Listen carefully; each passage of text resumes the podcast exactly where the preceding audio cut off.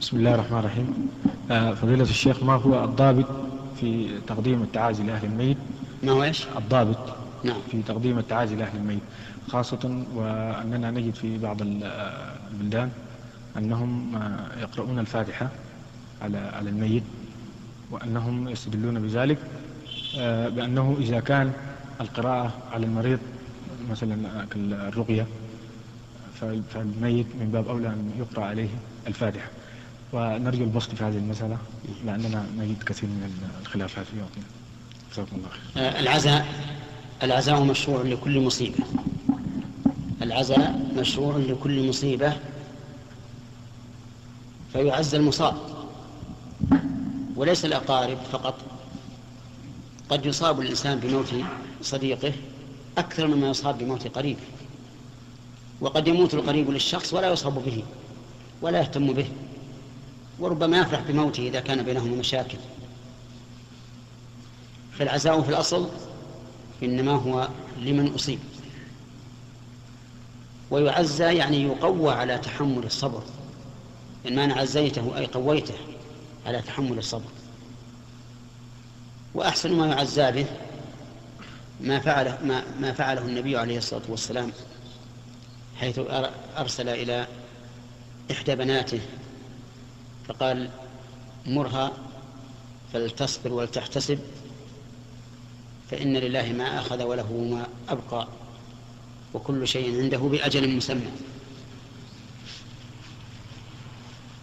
وأما وأما اجتماع الناس للعزاء في بيت واحد فإن ذلك من البدع. فإن, فإن انضم إلى ذلك صنع الطعام في هذا البيت كان من النياحة. كما كان الصحابة رضي الله عنهم يعدون ذلك أي الاجتماع عند أهل الميت وصنع الطعام يرونه من النياحة والنياحة كما يعلمه كثير من أهل العلم أو من طلبة العلم من كبائر الذنوب فإن النبي صلى الله عليه وآله وسلم لعن النائحة والمستمعة. وعلى هذا فيجب على طلبة العلم أن يبينوا للعامة أن هذا أمر غير مشروع.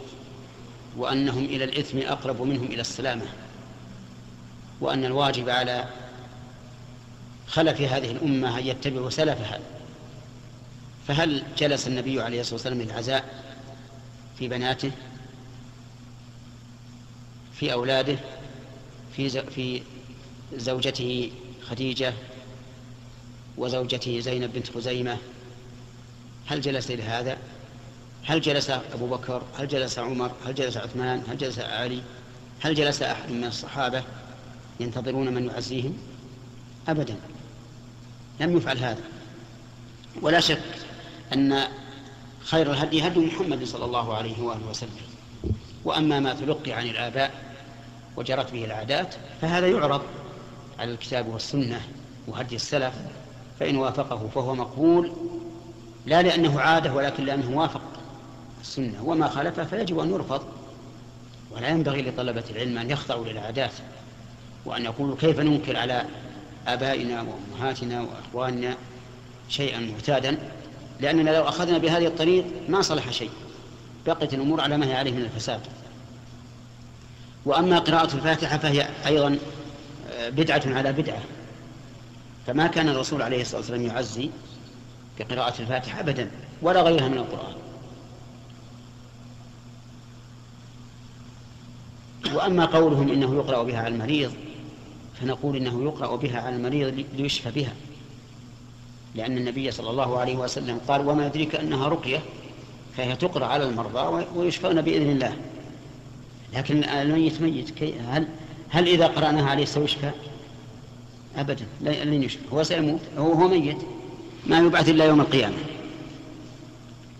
كل هذه من الأشياء التي يجب على طلبة العلم أن ينتزعوها أن ينتزعوها من مجتمعاتهم وأن يعودوا إلى ما كان عليه السلف الصالح. فإذا قيل إذا متى نعزي؟ قلنا أولا العزاء ليس بواجب. غاية ما فيه أنه سنة. ثانيا أن العزاء للمصاب الذي نعرف أنه تأثر بالمصيبة فنعزيه ونولد عليه المواعظ حتى يطمئن. ثالثا أن العزاء المشروع ليس بالاجتماع في البيت. في أي مكان تلاقيه في السوق في المسجد وما أشبه ذلك. نعم.